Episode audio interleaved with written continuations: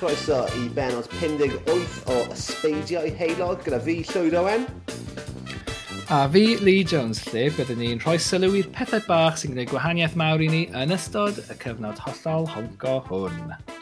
Ie, yeah, wir, Leasers. Nawr fel arfer, sy'n ni, wel, cer nôl chwech mis, uh, pryd o'n i'n neud hwn yn wythnosol, bys o'n ni nawr yn llenwi tu uh, hanner munud yn siarad am lle chi'n gallu rhoi cash i ni. Ond dyn ni ddim yn ei wneud na, achos mae'n gyda ni bach o clas. Ni yn clasu, clasu iawn ar y podlediad yma. So ni just skip ymlaen yn syth heibio hwnna, a just cael catch-up bach, achos ni wedi bod i ffwrdd Wel, dim, ti'n mo, o'n i, ffwrdd am rhyw 4-5 mis a wedyn dod nôl i wneud un penod a wedyn diflannu eto. So ble ti wedi bod, dude? Ble, ble ti wedi bod yn neud ers uh, tair peder wythnos? O, dwi wedi bod yn, yn y fan ar lle heb symud. Uh, dim esgus. um, na, mae... Ma, Wel, beth sydd wedi digwydd gyda ni yw... Um, does dim gofal plant wedi bod gen ni, Llwyd. Felly mae bywyd wedi bod yn... O, ti eisiau gorffen y frawddeg yma i fi?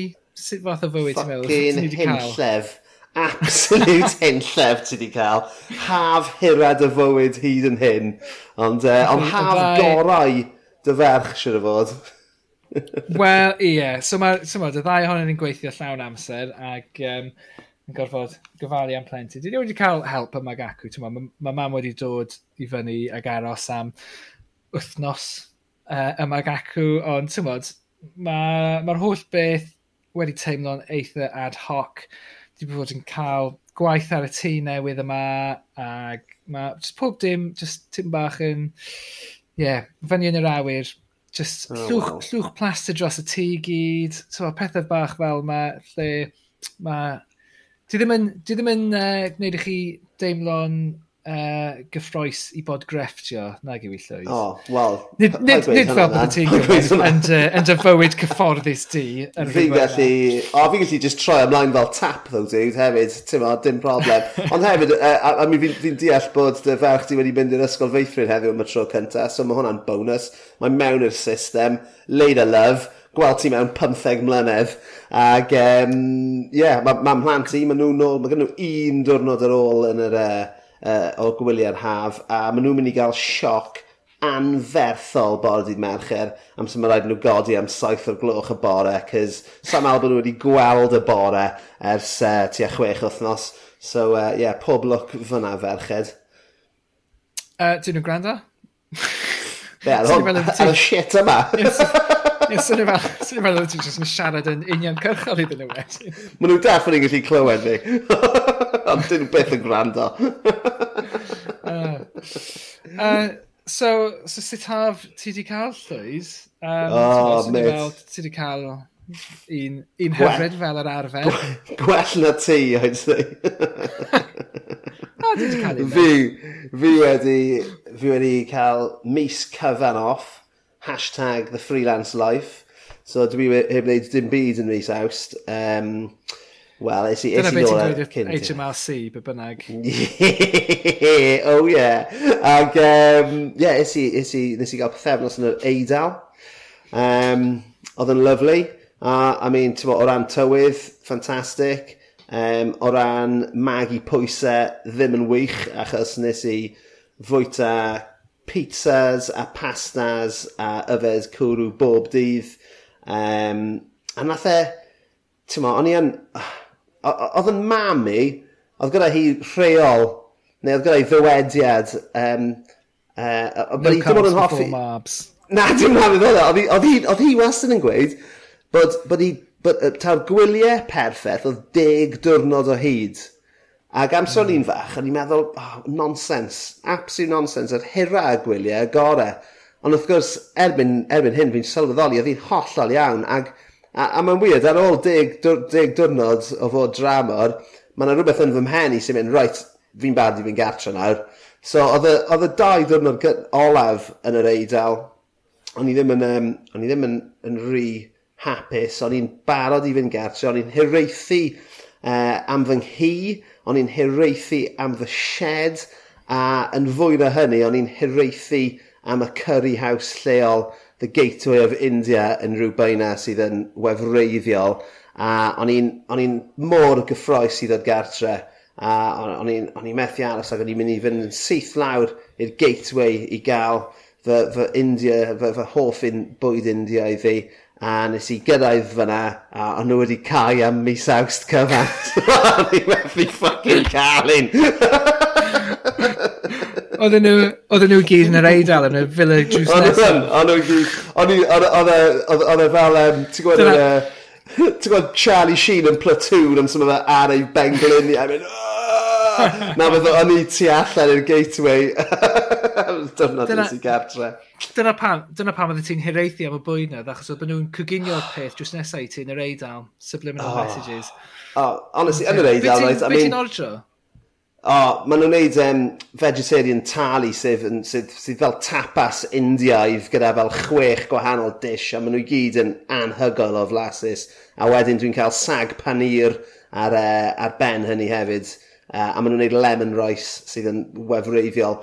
Ond um, o'n i'n... Um, O'n i, on i, on, i yn, I mean, fel, fel pob plentyn, um, dwi yn caru pasta a pizza, ond ar ôl bwyta pasta a pizza bob dydd am, am 14 diwrnod, o'n i honestly, o'n i fel, sa'i byth eisiau ffucking gweld pasta na pizza eto.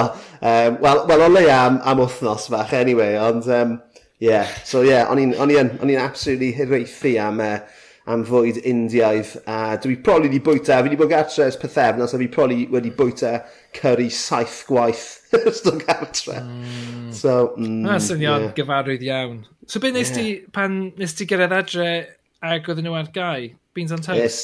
Is i, na, es i lawr i, lawr i Marks and Spencers a prynu a cwbl o curries ah. o fyna yn lle. So, uh, ond, yeah, ond, ti'n mo, eilydd dim o'r dda a beth o'n i'n gobeithio, ond dyna ni. Ond, um, yeah, so, so yeah, mis awst wedi, wedi hedfan, mae'r hydref wedi cyrraedd. Mae'n, um, wel, mae'n dywyll yn gynnar. Mm. Ni wedi cael storm masif yn un heno. Storm mellt y tharanau. So mae, mae, a, a ti'n gwybod beth sy'n dechrau pingo hefyd, fi wedi sylwi allan yn cerdded, yw mae'r mae tymor madarch wedi cyrraedd eto, unwaith eto li. So ti'n gwybod bod hwnna'n neud fi'n hapus. ti yn y shed, just cloi'r drws, roi Pink Floyd ar. the, the back catalogue. yeah. Ond. Yeah. So nes i actually, um, nes i actually uh, casglu madarch uh, penwthnos diwetha, nes i casglu llon sach o madarch y maes, field mushrooms, o cae lleol. A ie, yeah, fi, so fi wedi gwneud batch cyntaf o madarch, uh, cawl madarch gwyllt yn barod eleni. So, uh, yeah, I mean, mm. wyt ti'n gallu top o hwnna yn y fath o'r steaks canol ddosbarth? Um, o, oh, hang on, gadi fi fel, ti di roi fi ar y spot yma. I mean, ben bant dwi yn. Um, um, be ni bod yn gwneud yn ddiweddar? Wel, ti'n gwybod, wastad, wel, mae gennym ni uh, ymelodaeth ar um, uh, National Trust, ty beth, yep. ond dyn ni, dyn ni wedi cael uh, un ar gyfer English Heritage hefyd. So, ti'n gwybod, Be oedd. Pretty much up there. Oedd yr ymddiriadolaeth genedlaethol ddim yn ddigon i chi?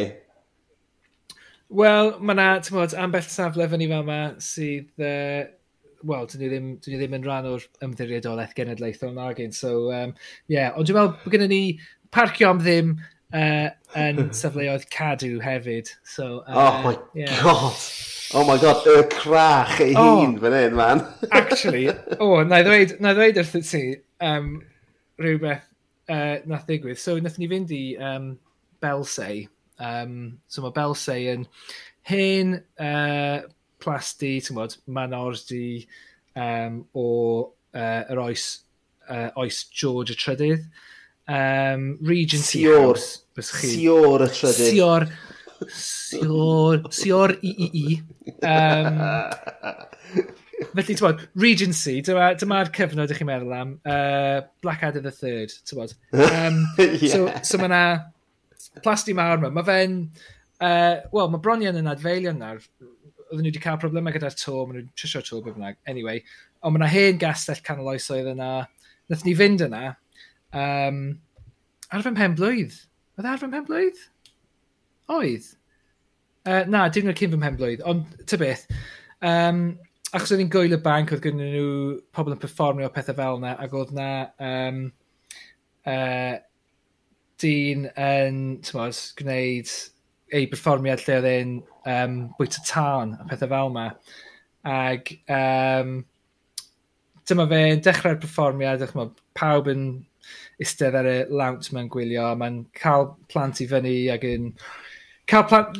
Basically, oedd e jyst yn cael plentyn i fyny, gwneud un joc bach gyda nhw, a wedyn cario ymlaen, a wedyn joc nesaf, o, oh, ti yma, a wedyn neud joc bach arall gyda nhw, ag ymlaen gyda ni. A wedyn, um, nath e galw fi fyny, a ah. gwneud fel, all right, fine, just un joc bach, a wedyn off ni.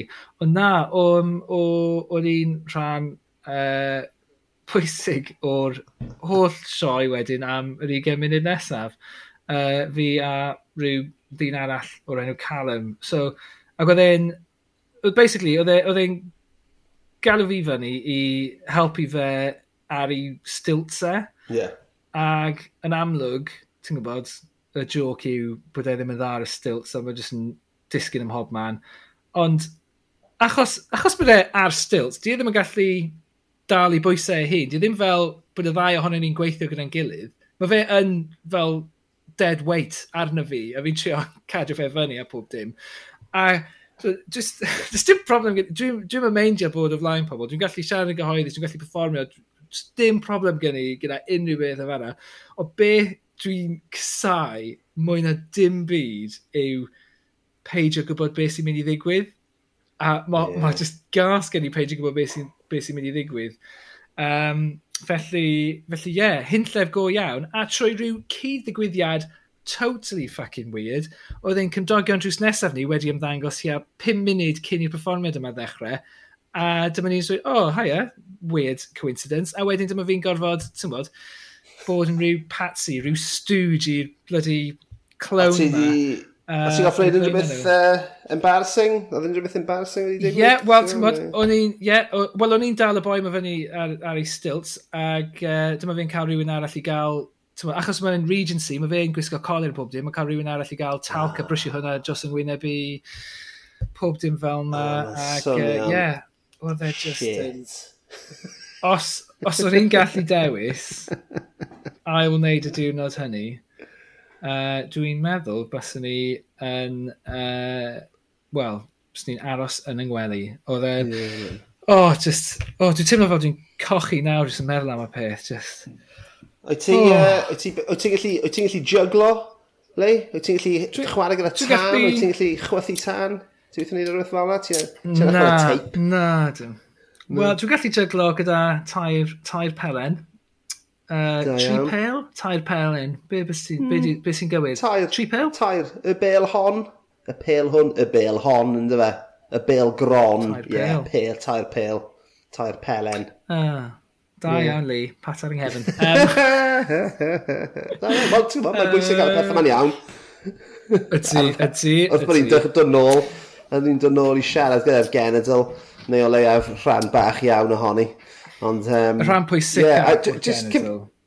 Wrth gwrs, man, wrth gwrs. Bys ni yn off i gweud hefyd, um, diolch i'r holl bobl sydd wedi dod lan ata i dros y misoedd diwetha yn yn absenoldeb ni yn gofyn pryd mae Sbeidio Heilog yn dod nôl. Um, mae hwnna yn Uh, ddim, ddim yn unig yn hwb bach i'r ego, ond hefyd, jyst yn cadarnau falle bod, bod pobl actually yn gwrando. So diolch i bawb nath, nath, nath wneud hynny, a diolch i bawb sydd dal yn, yn gwrando. A tymo, uh, dyma ni, ni'n nôl, ni'n gobeithio bod ni'n mynd i fod yn wneud hyn uh, yn wythnos. O dyna'r bwriad, anyway, mae gen ni westeion arbennig wedi lein o lan ar gyfer uh, yr wythnosau a'r misoedd nes yma, a gawn ni weld sy'n mynd. A gyda hynny mewn coflu, Uh, beth yn y byd sydd wedi bod yn neud ti'n hapus uh, dros yr wythnosau neu'r misoedd diwethaf yma? Wel, does dim syndod, really. Um, welcome to Wrexham. Um, Tymod, dwi'n... Beth yw hwnna? Sari clywed am hwnna? Wel, welcome to Wrexham yw'r raglen ddogfen am, am Clwb Peildroed Wrexham gan... So beth ydy clywed am, am Wrexham? the bloody hunters. Cardydd, Cardydd yn cael pob dim, dyn nhw. Ia, so nhw, so sy'n byd i wyn digwydd yn Wrexham, ys e? Dim byd, dim byd i digwydd i'r gogledd o Merthyr. Dim ond, dim ond, o ble, o ble fi'n gweld, dim ond, dim byd o'n methiant. Wel, so fe'n ffain os ydyn ni'n cael yr un arian cyhoeddus ydych chi'n cael yng Nghaerdydd. go on, go on, fi ddim yn cymryd y piss, wrth gwrs, I mean, yeah, so dyma'r raglen ddogfen, neu'r gyfres ddogfen, ie, yeah, fant, fant o rannau sydd yeah. i'r gyfres yma.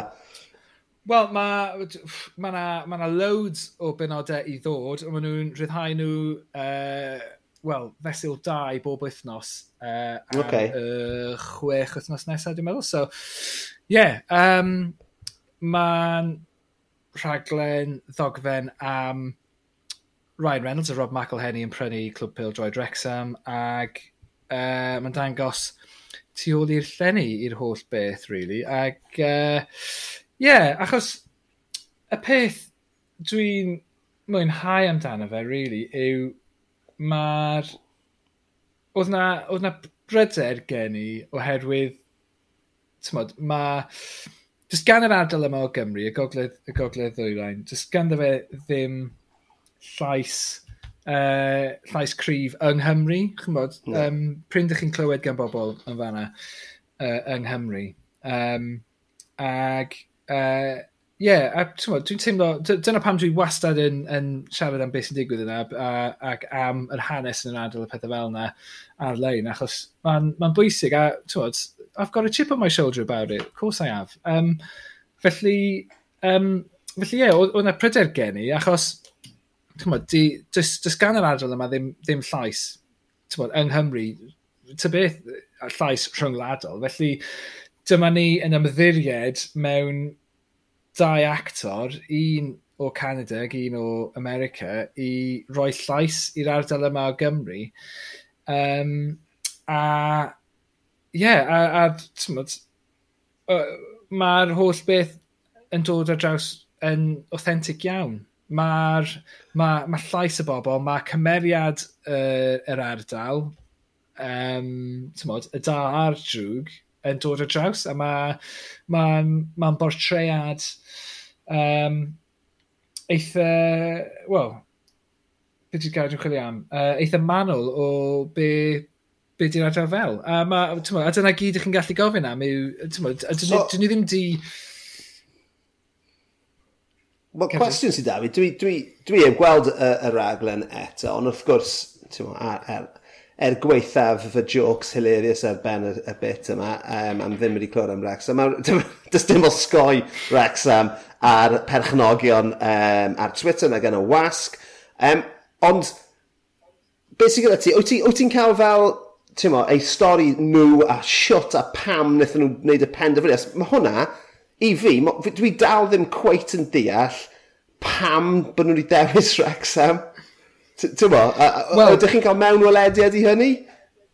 Ie, yeah, so maen nhw'n ma siarad am y peth. Um, a ie, yeah, wel, y reswm oedden nhw eisiau prynu rag, uh, tîm pel droed oedd i, oedd i cynhyrchu raglen ddogfen O, um, reit, okay. Okay. So nath, nath, nath y raglen, y syniad yna, ddod cyn yr y, y, y, cysyniad o prynu yeah. clwb. Wel, wel. So, media yeah, so, Horsley, Lee. Media whores. Wel, well, dyma'r dyma thing yw... Mae'r ma stori just mor, mor weird. So, um, mae Rob McElhenney, mae ganddo fe ffrind o'r enw Humphrey Carr, sydd yn uh, ysgrifennu'r comedy ag yn actor. Um, mae fe'n byw yn LA. Mae fe'n ffrindiau gyda Rob McElhenney. Ond nath e, mae ma Humphrey Carr a just yn Cefnder honco. Nath e fynd i Eton, a mae fe yn proper posh git. Ond um, mae fe'n byw yn America, gweithio yn America yn sgwennu cyfresu comedy, a mae'n ffrindiau da gyda Rob McElhenney, a oedden nhw'n ffilmio, ac oedd Humphrey Carr mynd i wylio pildroed rhwng takes a pethau fel yna. Nath yna ysbrydoli Rob McElhen i, i meddwl, wel, pam dwi ddim yn gwybod dim byd am Pil Droid, achos mae'n caru chwaraeon. Ac um, doedd e jyst ddim yn deall uh, diwylliant o gwmpas Pil mm -hmm. Droid. Uh, felly nath Humphrey Carr ddweud wrtho fe i wylio raglen ddogfen o'r enw Sunderland Till I Die. Yeah, um, yeah. Hwnna Netflix. Ti wedi gweld hwnna? Chris Coleman, Chris Coleman yn uh, Sereni. Ie, yeah, tymor, yeah. yeah, tymor cyntaf. Mm. Ie, ie, ie. I'm a father of five kids, don't call me a wanker. Um, yeah. fel, fel mae'r nifer o blant sydd ganddo fe yn gwneud unrhyw gwahaniaeth. Um, I'm a father of five. Um, anyway, um, yeah, so, so nath Rob McElhenny wylio Sendlin Till I Die a deall, oh, okay, dyma dyma'r diwylliant a dyma'r celfyddyd, a dyma, dyma pam bod pildroed yn golygu pethau, hyd yn oed yn y cyngreiriau uh, isel. Um, felly, oedd e eisiau prynu tîm pêl-droed, ond oedd e angen mwy o arian i wneud y peth i weithio, so nath e ofyn i Ryan Reynolds. Ond dydyn nhw, dydyn nhw byth di cwrdd â'i gilydd tan ar ôl iddyn nhw no brynu tîm pêl-droed. No fucking way! Ie, o'n i'n meddwl. Surely mae'n rhaid bod nhw'n ffrindiau gorau neu rhywbeth. No way! Oedden nhw just yn uh, ffrindiau Twitter. Um, just fel ti a fi! Just a lot, lot mwy cyfoethog. Ie. Yeah. Pwy, pwy gallwn ni brynu? Um, Llanilltid fawr? Dim un o'r Llanilltid fawr, mis. Dim un o'r nhw. um, so, yeah, so, so dyna pan nath Ryan Reynolds dod mewn i'r holl thing. Um, Oh, Ydyn nhw'n sôn, achos mae Ryan Reynolds, reit, er bod e'n actor uh, byd enwog a llwyddiannus tu hwnt, mae fe actually wneud mwy o arian yn gwerthu, no, yn, prynu, yn, yn, yn, sefydlu ac yn gwerthu cwmni gin, reit? Ie, yeah, nath e, so nath e fuddsoddi yn aviation gin yeah yn eitha, eitha cynnar iawn. Nath e ddim sefydlion, oedd e'n un o'r um, buddoddwyr cynnar. Right, okay. Ag mae nhw wedi gwerthu... Um, um, nhw wedi gwerthu Aviation Gin i Diageo, dwi'n meddwl. Ie, yeah, sure um, lot. Ti'n berchen popeth. Un o'r cymniau yn union. Yeah. Um, a mae fe wedi gwneud rhywbeth fel, ti'n modd, 500 miliwn dolar yeah. allan o hwnna. Ie, yeah, na beth ond, na'r ond, ffigwr fi wedi clywed, efo ti. Ie, ond rhan o'r, rhan or, um, telere o'r del yna yw bod rhaid iddo fe um, marchnata'r gin am degawd, dwi'n meddwl. Okay. Iddo fe cael so, yr... So, so, so bydd ar, bydd ar Chris Wrexham blwyddyn nesaf. Wel, tan, tan i ddiwedd adael. So mae'n... Um, ma nhw'n... Yes, on, 500 milion, ond 500 milion dros 10 mlynedd. Mae'n dal lot o arian, ond ti ddim yn, ti'n modd... Os ti'n... It's not podcrafting money. na no, os wyt ti'n ti Ryan Reynolds, mae fe basically yn, ti'n modd, um, uh, yr arian neud i wneud am un ffilm, basically, yeah. am ddim, pob, pob blwyddyn. Like, yeah. So, so di ddim yn, di ddim yn anferth yn ei fyd e, ond mae'n anferth yn myd Drexham, a dyna pam yeah. mae'r holl beth yn, yn gweithio. Ac um, nath, di ddim yn sôn am hwn yn yr er, uh, yn y raglen ddogfen, ond be wnaethon nhw yw, um, wnaethon nhw cysylltu â chwmni buddsoddi. Uh, mae yna ma, ma cwmnïau sydd yn arbenigo yn buddsoddi uh, yn tîm y chwaraeon, neu menter a chwaraeon. Wnaethon nhw cysylltu â nhw a dweud, dyma beth ni eisiau gwneud, ni angen tîm sydd yn isel, um, sydd efo'r isa deiledd i allu ddringo. Um, a Wrexham oedd un o'r tîm yma. Um, A ie, yeah, nath nhw gysylltu â Wrexham. A, a oedd Wrexham yn cael ei berchen ar y pryd gan, uh, gan y fans, gan ymddiriadolaeth yeah, o'r fans. Um, a y bobl yma oedd wedi ti'n tywod, cymryd ail morgus allan er mwyn achub y, y, y tîm a pethau fel yma a ti'n tywod, gwerthu ceir a pob dim just er mwyn codi'r arian, achos oedd hi yn argyf, ar, argyfwng i, i allu arbed y, yeah. y, y clwb ar un pryd. Um, so, a wnaethon nhw gwneud hynny, edrych ar ôl y clwb am spel, a ie, yeah, wedyn 2 filionydd o Ogledd American dod mewn i i, uh, i achub y dydd. Wel, nid jyst achub y dydd, ond, ond i ddechrau bwrw ymlaen efo pethau. Oes na um, bryder a fi'n fi gofyn y cwestiwn mai ti fel cefnogwr y clwb a rhywun sy'n wedi tyfu lan yn yr ardal yn y, yn y gogledd ddwyrain yng Nghymru. Oes na um, berygl o, o gymryd y clwb allan o ddwylo y cefnogwyr? Tyma, os na bryder ymysg cefnogwyr fel ti bod e, falle hunaniaeth y clwb, um, yn, yn, mynd i fynd ar goll um, o dan reolaeth pobl, fel ti jyst wedi cyfadde, rhywun pum mlynedd yn ôl, o ddim hyd yn yn gwybod pam oedd pel droed mor boblogaidd. Um, dwi'n meddwl, mae yna, ac bod, un o'r, un o'r pryderon sydd gen i yw bod yna ddim um, diogelrwydd cyfreithiol rhag, bod, rhag i bethau mynd yn, chymod, yn wael. Does dim byd i stopio nhw rhag gwerthu'r tîm i rhywun arall. Does dim byd yn stopio nhw rhag gwerthu'r cae ras i mm. ddatblygwyr. Does dim, does dim diogelwch cyfreithiol. Just uh, pob dim wedi cael ei wneud ar y ddewyd, ond does dim byd mae'r ddau yna wedi gwneud hyd yma sydd yn um, gwneud i chi feddwl bod, bod nhw'n mynd i wneud y pethau yna. Ond does na ddim, does na ddim fel ni'n dweud, diogelrwydd cyfreithiol rhag hynny. Um, o ran yr, y cymeriad ag ysbryd y clwb, um, mae'n ma, ma arberig, a bod, be, be maen nhw'n gwneud hefyd yw, maen nhw yn ceisio cyfieithu diwylliant y clwb a hunaniaeth y clwb maen nhw'n ceisio cyfieithu hynny ar gyfer farchnad rhyngwladol.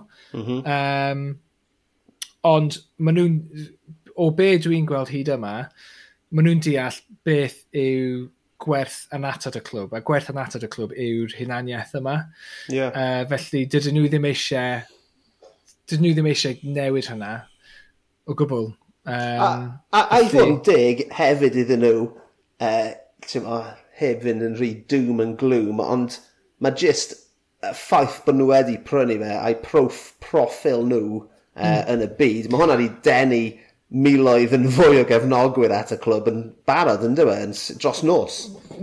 Wel, yn union, un, be wnaethon nhw'n neud, pan wnaethon nhw'n neud y pitch i'r cefnogwyr i brynu'r tîm, wnaethon nhw prynu'r tîm am, ti'n be, pint neu beth bynnag oedd hi, ond rhan o'r deal oedd bod nhw'n mynd i buddsoddi 2 filiwn o bunnau. yeah. ag Um, mod, iddyn nhw, dyna ddim yn lot o arian. Um, mae hwnna'n ma hwnna fuddsoddiad. Mae'n ma fuddsoddiad mawr, ond di ddim yn... Mod, uh, Dwi'n hwnna ddim hyd yn oed yn, yn, yn fuddsoddiad mawr, mo, os sy'n si edrych ar Cardiff City sydd beth tri, yeah. tri cyngroi'r uwch ben nhw yn, dyfa, yn, y, yn, yeah. y, yn y system. Ti'n mo, mae ma, yeah. ma, ma, ma, ma, ma, ma, ma hwnna'n fel bys y dad yn gweud, pisio driw bach yn y môr um, i glwb hyd yn oed maint cael dydd yn dweud, ti'n mo? So mae'r... Mm. Ma ma yeah. um... so, yeah, ond, ond dyna'r thing yw, ar, ar y lefel yna, mae hi'n ma hi lot yeah. oherwydd oedden nhw'n byw, oedd y clwb yn byw, achos dys dim lot o arian yna. Uh, dydyn nhw ddim yn gallu gwneud pethau fel adnewyddu'r um, cymwysterau yeah. yn y stadiwm. Dydyn nhw ddim yn gallu gwneud pethau fel um, roi uh, cae newydd o, o wair lawr bob tymor. Ond wnaethon nhw wneud y dwywaith ar ddechrau tymor cyntaf iddyn nhw fod. Uh, um, oherwydd wnaethon nhw wneud y dros, dros yr haf, a nath e ddim, nath e, nath e gwaed ddim gweu yn iawn. Ie, yeah, ie. Yeah. Yeah, felly, felly oedd rhaid nhw ail wneud e, uh, hanner ffordd trwy'r tymor. Ond, um, ond Ie, yeah, felly maen nhw wedi buddsoddi'r arian yma sydd ddim yn lot, ond beth maen nhw wedi gwneud, oherwydd eu profil nhw, maen nhw wedi denu arian arall at y clwb. Um, yeah. A dyma, dyma yw tymod, gyfrinach, um, y gyfrinach gyda busnes. Os chi eisiau fod yn llwyddiannus yn gwneud pethau, gwariwch arian pobl arall. Peidiwch y gwario arian eich hunain. Um, a dyna beth maen nhw'n gwneud. Tymod, maen nhw wedi denu arian o, o ffynonellau arall i, uh, i, yeah, i just gwella y, y clwb a, a gwella cyfleoedd i'r clwb. Ie, yeah, achos yn, ti'n a faint o sylw, achos ni'n ni, gwybod, fel, fel Cymru uh, Cymraeg ar y cyfryngau cymdeithasol, ni wedi gweld Rob um, yn siarad Cymraeg ac yn neud lot o um, Canu hei Mr Ed. Canu hei Mr Ed. Ond hefyd yn, yn, yn, yn siarad ac yn dysgu gyda'i uh, gyfieithydd e, sa'n gallu cofio ei henw hi off top yn hen. Maxine. Ond, Na ni, Maxine, ie. Yeah. A faint o, faint o sylw um, mae hynny yn cael yn y ddogfen os o gwbl? Yn, uh, wel, beth sy'n digwydd yw, maen nhw'n um, maen dangos pobl yn siarad, a os di rhywun yn dweud um, rhyw air sydd yn anghyfarwydd i, um, i Americanwr, neu rhywun yng Ngogledd America, beth sy'n digwydd yw, mae jyst yn torri'n sydyn, Ac ar y sgrin mae'n dweud, uh, fel er enghraifft, mae'n dweud English pitch. A wedyn mae'n rhestru American field. Yeah. Welsh cae. Cae. Ah, a wedyn, a wedyn mae'n yn A wedyn mae'n torri nôl yeah. at, at nhw'n siarad. Mae'n sy'n dangos fel... Oh, mae hwnna'n... Achos mae'n so digwydd lot. Ie, yeah. so mae fe'n rhoi llwyfan cyfartal i'r Gymraeg felly. Um, yeah. Yeah, so, a ti ddim yn... Ti'n methu gofyn yn fwy na hynny. Na, yn union. A dyna'r thing yw, dwi e ddim yn it's not played for laughs. Mae just yn rhan... Ffaith. Anatod. Ie, yeah, ffaith. Rhan o tywod, DNA beth sy'n digwydd yna. Ie, yeah, tywod, di, di pawb sy'n cefnogi Wrexham ddim yn Gymru Gymraeg. Na, gen. Tywod, lleafrif, lleafrif o bobl sy'n cefnogi Wrexham yn, yn Gymru Gymraeg. Just fel Cymru uh, a draws y lad. Ond, tywod, mae'r Gymraeg yn bodoli, a uh, mae'n rhan, ma rhan o hunaniaeth bawb os ydych chi'n siarad yr iaith neu beidio, diwy. E? Felly, yeah, ffaith bod nhw jyst yn rhoi llwyfan gyfartal, fel ti'n dweud, i'r iaith. Um, uh, yeah, di ddim yn edrych fel, ti'n di ddim fel rhyw token gesture, mae jyst yn, mae'n cael ei gyflwyno'n naturiol, sydd yn rhywbeth, dych chi ddim hyd yn oed yn cael gan y cyfryngau yn y deyrnas gyfunol. Dych chi'n meddwl yn cael hynny gan cyfryngau yn, yng Nghymru lot o'r amser, ti'n bod? Um, edrych lawr, edrych, edrych, edrych, Ie, yeah, fel joc a fel sneered at, yn dweud, yn aml. Ie, yeah, wel hyd yn oed os ti ddim fel yna, ti'n just fel rhyw novelty, a ti'n mm. nid fel newe, mae'n rhan, ma rhan o ddydd i ddydd o, o bod y pobl. Yndi. So, Ond, wyt ti'n uh, argymell y uh, uh, uh, raglen ddogfen yma i rywun fel fi sydd un ddim yn fan o'r exam a dau ddim really'n fan o Bill Droid chwaith, a fysa, a fysa ni'n mwynhau'r uh, y gyfres, ti'n meddwl?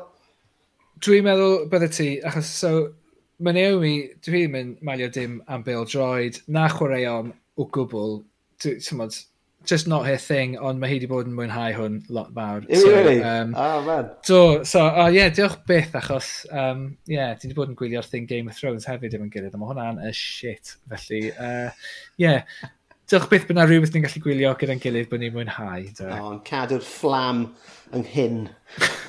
Ie, yeah, istedd, istedd ar, uh, ar ddau beg yn y soffa yn edrych ar ein ffordd ni. Yn gwylio'r un peth. Rexam ar y teledu. Heb, heb dweud gair i'n gilydd. Ond, Na. Ond, uh, yeah. Dwi'n meddwl bod i'n mwynhau. Yeah. Yeah. Who cares? Ti yn. Yeah. Yeah, whatever. uh, so, uh, be amdano ti, llwyd? Be di'r peth well, bach neu mawr sydd wedi bod yn cadw di'n hapus? Ah, reit uh, Lisa's Jones, reit e. Um, y peth sydd wedi gwneud fi'n hapus yn ddiweddar oedd, wel, ffilm, a dwi wedi gwyth ti, so cadw ar y sgrin, ond mynd i'r sgrin fawr.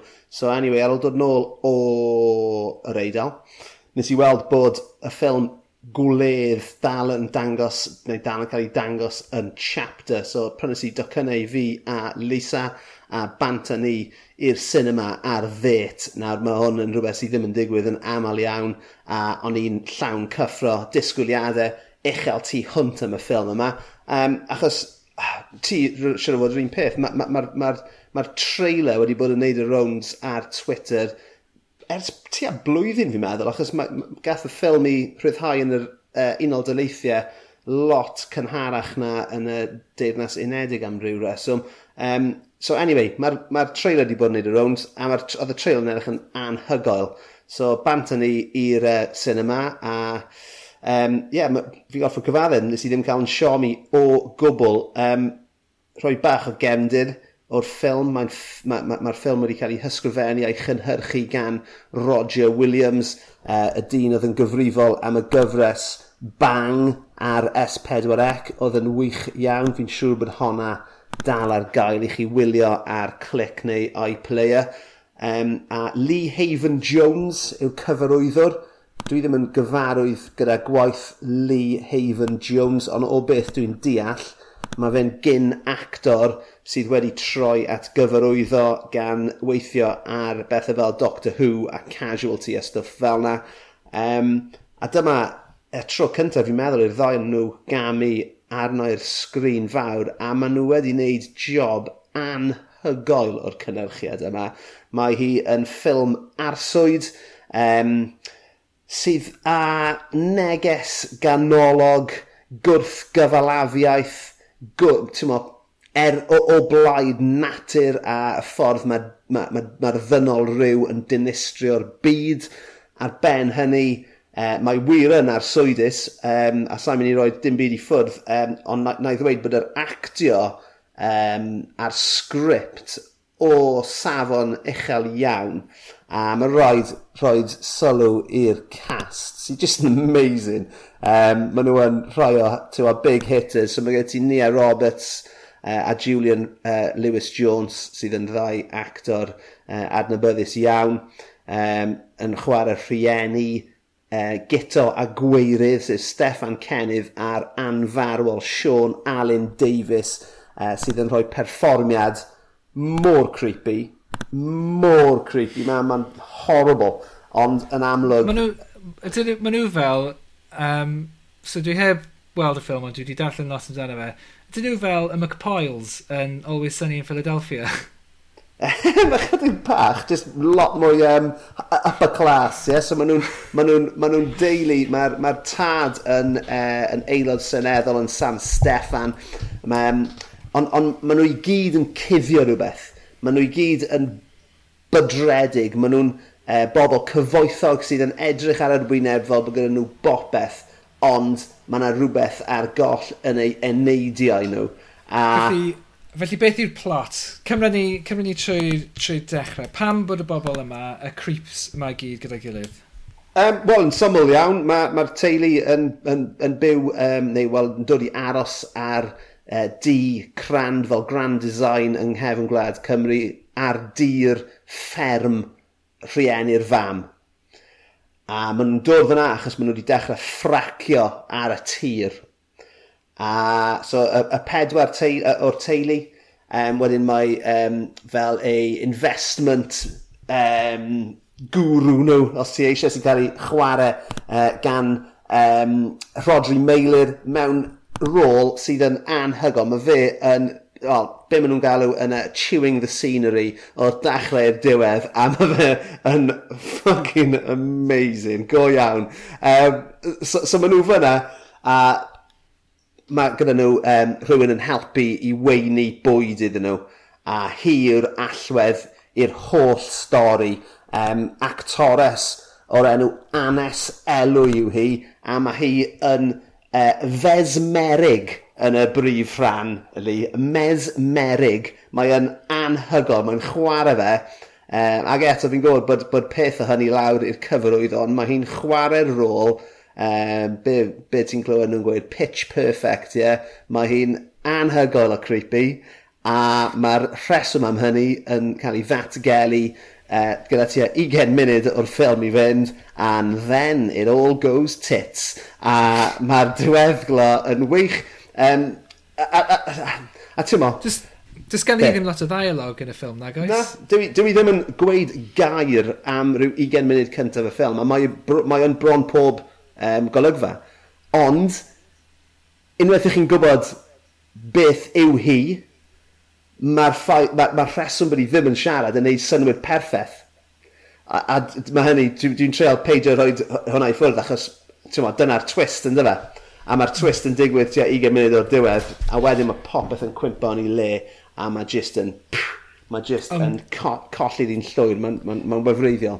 Ond y sgil yna, ti'n bod, yw'r ffaith bod ti'n gallu actio heb dweud geiriau fath o beth, ti'n bod, a yeah. ti'n dweud pa mor creepy yw i, a ti'n bod, ffaith bod ti'n gallu gwneud hynny heb, heb, heb dweud dim, ti'n bod? Ie. Yeah. O na, mae ma fe'n ma wych. A ti'n gwybod y, y, y, y, y, peth allweddol fi'n meddwl i, i lwyddiant y ffilm yw, achos ni'n gwybod, reit, does dim budget mawr dy'r ffilm yma. Um, fel, ti'n mo, ffilmiau mewn ieithoedd lleafrifol, reit, ni ddim yn siarad budget mawr, ond be maen nhw'n wneud yw torri y lleoliadau i un tŷ, cae a coedwig So just tri lleoliad sydd yn, yn, y, yn yr holl ffilm. Ac wrth wneud hynny, mae hwnna'n rhoi rheolaeth i'r cyfarwyddwr a'r actorion dros eu lleoliad. A hefyd, gallu gwario bach mwy o arian wedyn ar, tymod yr uh, uh, er, effeithiau gweledol hynny sydd yn angenrheidiol cyn diwedd y uh, sioe. A beth be, a be, be sydd gyda ti yw ffilm sydd actually'n edrych uh, yn ddrud, er fi'n gwybod bod y budget ddim yn fawr. A, a, a problem, un o'r problemau mwyaf fi'n meddwl sydd gyda ffilmiau gyda budget bach um, yw bod nhw'n treol neu gormod gyda hynny, right? So, yn, yn, yn ddiddorol, cwpl o nosweithiau ar ôl i fi weld y gwledd, nes i weld ffilm o'r enw The Towl, ffilm Gymreig arall, um, yn, yn Saesneg tro yma, ond ffilm cynhyrchiad Cymra o, o Gymru, um, gyda, fel mae'n digwydd, Anes Elwy yn y brif rhan yn honna hefyd. Ond mae'r ffilm yma yn shit. A mae'r reswm am hynny, yw maen nhw wedi, neud, wedi treol wneud llawer gormod gyda cyllid rili bach. A mae ma popeth wedyn, um, beth i galw, yn cael ei spread thinliau, e, so mae'r ma lleoliadau ar wasgar, mae'r ma, r, ma, actorion ddim yn ddigon da, mae'r sgript ddim yn digon tin, a mae popeth yn mess. Ond gyda'r gwle, gyda'r gwledd, maen nhw wedi tynnu popeth nôl i'r tri lleoliad yma, a'r tŷ yn bennaf, ie? So mae, mae, bys ni'n gweud bod 90% o'r ffilm yn digwydd yn y tŷ. A oherwydd hynny, maen nhw'n gallu gwneud cymaint mwy wedyn, a mae'r actorion i gyd yn, just, yn, just right on top of their game. A mae'n rhaid i chi fynd i weld y ffilm yma. mae'n wefreiddiol. Ti'n meddwl felly bod y, y, y tŷ yn dod yn gymeriad ychwanegol i'r holl yeah. beth? Wel, well, sa'n sa, gwybod hynny, ond meddwl am, am, am Reservoir Dogs. Right? Mae'r ma un peth yn, yn wir am y ffilm yna, right? Uh, budget mm. tiny, miliwn o bunnau. I mean, mae hwn yn llai na hynny hyd yn oed. Ond eto, y warehouse, un swyddfa a caffi a car.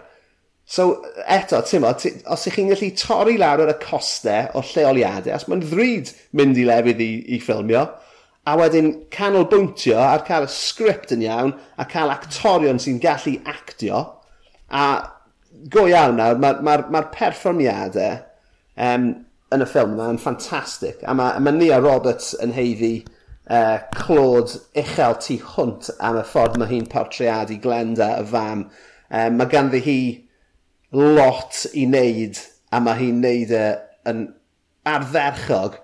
Um, ond ie, yeah, ti'n ti, iawn, mae'r ma, ma, ma, ma tŷ yn cynrychioli um, y problemau sydd yn bodoli yng nghefn Gwlad Cymru hefyd, reit? Achos mae fe'n ma, ma fe cynrychioli uh, ffordd o fyw sydd wedi diflannu, sef y fferm deuluol, a nawr teulu cyfoethog, barus, sy'n byw yn Llundain, ond sy'n dod lawr am y penwthnosau, wedi colli cysylltiad gyda'r gyda ardal a pethau fel na, ti'n mo, ac yn defnyddio y lle fel, fel maes chwarae, ynddo fe?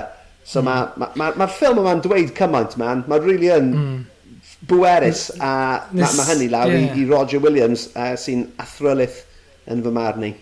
Wel, a nes, nes i glywed cyfweliau gyda'r uh, cyfarwyddwr Lee Heaven Jones, a fe'n dweud bod tmod, y synwyr yma o Gymru a Chymreictod i'r teulu yma yn, mae fel rhyw, um, rhyw atgof abstract iddyn nhw. Dwi e ddim yn rhywbeth perthnasol no. iddyn nhw. A felly, no. mae hynny, mae hynny yn ogystal â'r ffaith bod y ffilm trwy gyfrwng y Cymraeg, achos mae hynny yn ddatganiad gwleidyddol ty beth. Mm -hmm.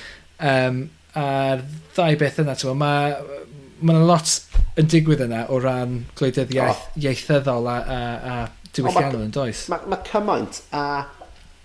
Ti'n ma, ma, be, be dwi'n hoffi, neu, be, neu beth sy'n gwneud ffilm wych i fi, ti'n gallu, ti gallu gwylio ffilm, a ti'n gallu, mae'r ffilm wedi mynd o dy ben di yn syth ar ôl ti orffen gwylio. Mae hynny'n digwydd yn aml. Ond wedyn ambell waith, mae yna ffilmiau sy'n aros gyda ti, sy'n bron fel bod nhw'n uh, yn, e, yn aflonyddu ti am wythnosau ar ôl. A mae'r e- ma, ma ffilm yma wedi wneud yna. A mae fe'n ma fe wych, mae ma wedi cael i rhyddhau ar draws uh, y Deyrnas Unedig. So mae pobl yn Newcastle uh, wedi gallu mynd i weld y ffilm yma, a dwi ddim yn meddwl bod hwnna wedi digwydd gyda ffilm iaith Gymraeg o'r blaen. Dim hyd yn oed hedd wyn. Um, falle bod fi'n anghywir, ond wedyn sy'n neb fan hyn yn dod i gael ffeithiau wrth o ti a fi. Ond, um, yeah, Wel, nid gen y ti. Na, dim yn gwbl. Ie, yeah, wel ie, yeah, ti'n newydd i dir erbyn hyn, so gobeithio bod ti'n cael dy ffeithio'n iawn. So bydd rhaid to check o hwnna. Ond, ie, um, yeah, o'n i'n really, really di mwynhau hi. A, ie, yeah, bys ni'n, ti'n mo, jyst yn gweithio os oes cyfle'n codi i chi weld hi ar y sgrin fawr, mae'n werth gweld. Ond wrth gwrs, fi yn... Wel, fi'n disgwyl bydd hi'n cael ei dangos ar S4C dros Nadolig. Na, mm. na beth hmm. ni'n dyfalu, achos S4C sydd wedi yn rhannol ty beth wedi talu amdani. So fi yn disgwyl bydd hi arno, os nad ar dydd Nadolig, bydd hi arno dros yeah. Nadolig. A... Dydd, dydd Nadolig i, ti'n pawb, pawb yn y teulu, iste yeah. round? Oh god, ie. Yeah. Uh, Mangi, tad you know, wrth i bodd. Wrth i bodd. Ond ie, yeah, um, ffantastig, man. A, a just, just eisiau rhoi, ti'n mo, hats off i bawb oedd yn ymwneud gyda fe, achos mae yn gampwaith a rhywbeth uh, gallwn ni gyd, ti'n mo, fel Cymru Cymraeg, fi'n meddwl, ti'n mo, a rhoi culture vultures fel ti a fi, ti'n mo, really, really parchu. A gobeithio well, bydd hynny'n arwain at mwy, ti'n mo? Wel, ie, yeah, gobeithio, ti'n mo, um, gobeithio bod yna draddodiad Cymreig ffilm yn datblygu. Yeah. Wel, um, I mean, oedd na, right? Oedd S4C yn arfer cynnyrchu ffilm y flwyddyn, right? Cerdi nôl i'r hmm. 80au, ag, ag oedd na, ti'n oedd na lot o, o ffilmio o ansawdd wedi cael ei wneud, ti'n oedd rhai really shit hefyd, wrth gwrs. Ond, um, um, o be fi'n deall, mae S4C um, yn bwriadu dechrau gwneud hynny eto, a dechrau uh, e, comisiynu uh, ffilm, so un feature film y flwyddyn um, o'i, oi, oi cyllid nhw. A o be fi'n deall, mae Roger Williams wedi cael comisiwn arall i ysgrifennu ffilm um, i S4C bydd yn dod allan yn 2023 fi'n meddwl. So, uh, dechrau da. Um, ond ie, yeah, Cofiwch e, rhannu'r arian yna gyda awduron arall nawr, efe? O'n i'n mynd i ddweud, cyfleoedd i awduron eraill yn dod. Yn ymwneud os nhw eisiau pethau, dwi'n gwybod, dychrynllyd a'r swydus uh, well, ffoniwch Stephen man, King rhywbeina. Mae'n ma nhw wedi gwneud dechrau da, ond uh, yeah, dwi ar gael ac yn edrych am waith. o hyd, o hyd. o, wastad, a byddai'n gwneud unrhyw beth am arian fel ni'n gwybod. So, um, yeah, dyna, dyna, fe, dyna beth sydd wedi bod yn gwneud fi'n hapus, Leasers. Ond ti'n gwybod beth arall sy'n gwneud fi'n hapus? Ti'n gwybod beth arall sy'n gwneud fi'n hapus? cael chat oh, gyda ti, fy hyn ffrind. O'n i gwybod i ti ddweud hwnna. oh, mae disgusting. Probably ddim eisiau gwrando ar hwnna. Uh, nid hyd yn oed fi. Um, yeah. Ond na, mae wedi bod yn bleser llwyd, mae wastad yn bleser. Ac, ie, uh, yeah, wel, nes i, nes i falu awyr am hanner awr cyn i ni ddechrau recordio, heb i ti ddweud dim. Bys y pobl yn syni am hynny, yn fydden nhw, bod ti'n gallu eistedd a gwrando. O, oh, dwi fel y, Samar fel, fel y Samariaid fan hyn. Fel, fel y Samariaid. Right o, dwi uh, well i. Di pethau, di ddim o'r ddim a hynny gyda fi, gyda llaw. Os ti'n bod yn poeni. Dim eto. Reit e, uh, I'm out here. Diolch i ti boi. Diolch i chi am rando. Tan y tro nesaf. Hwyl fawr. Hwyl fawr. Nos da.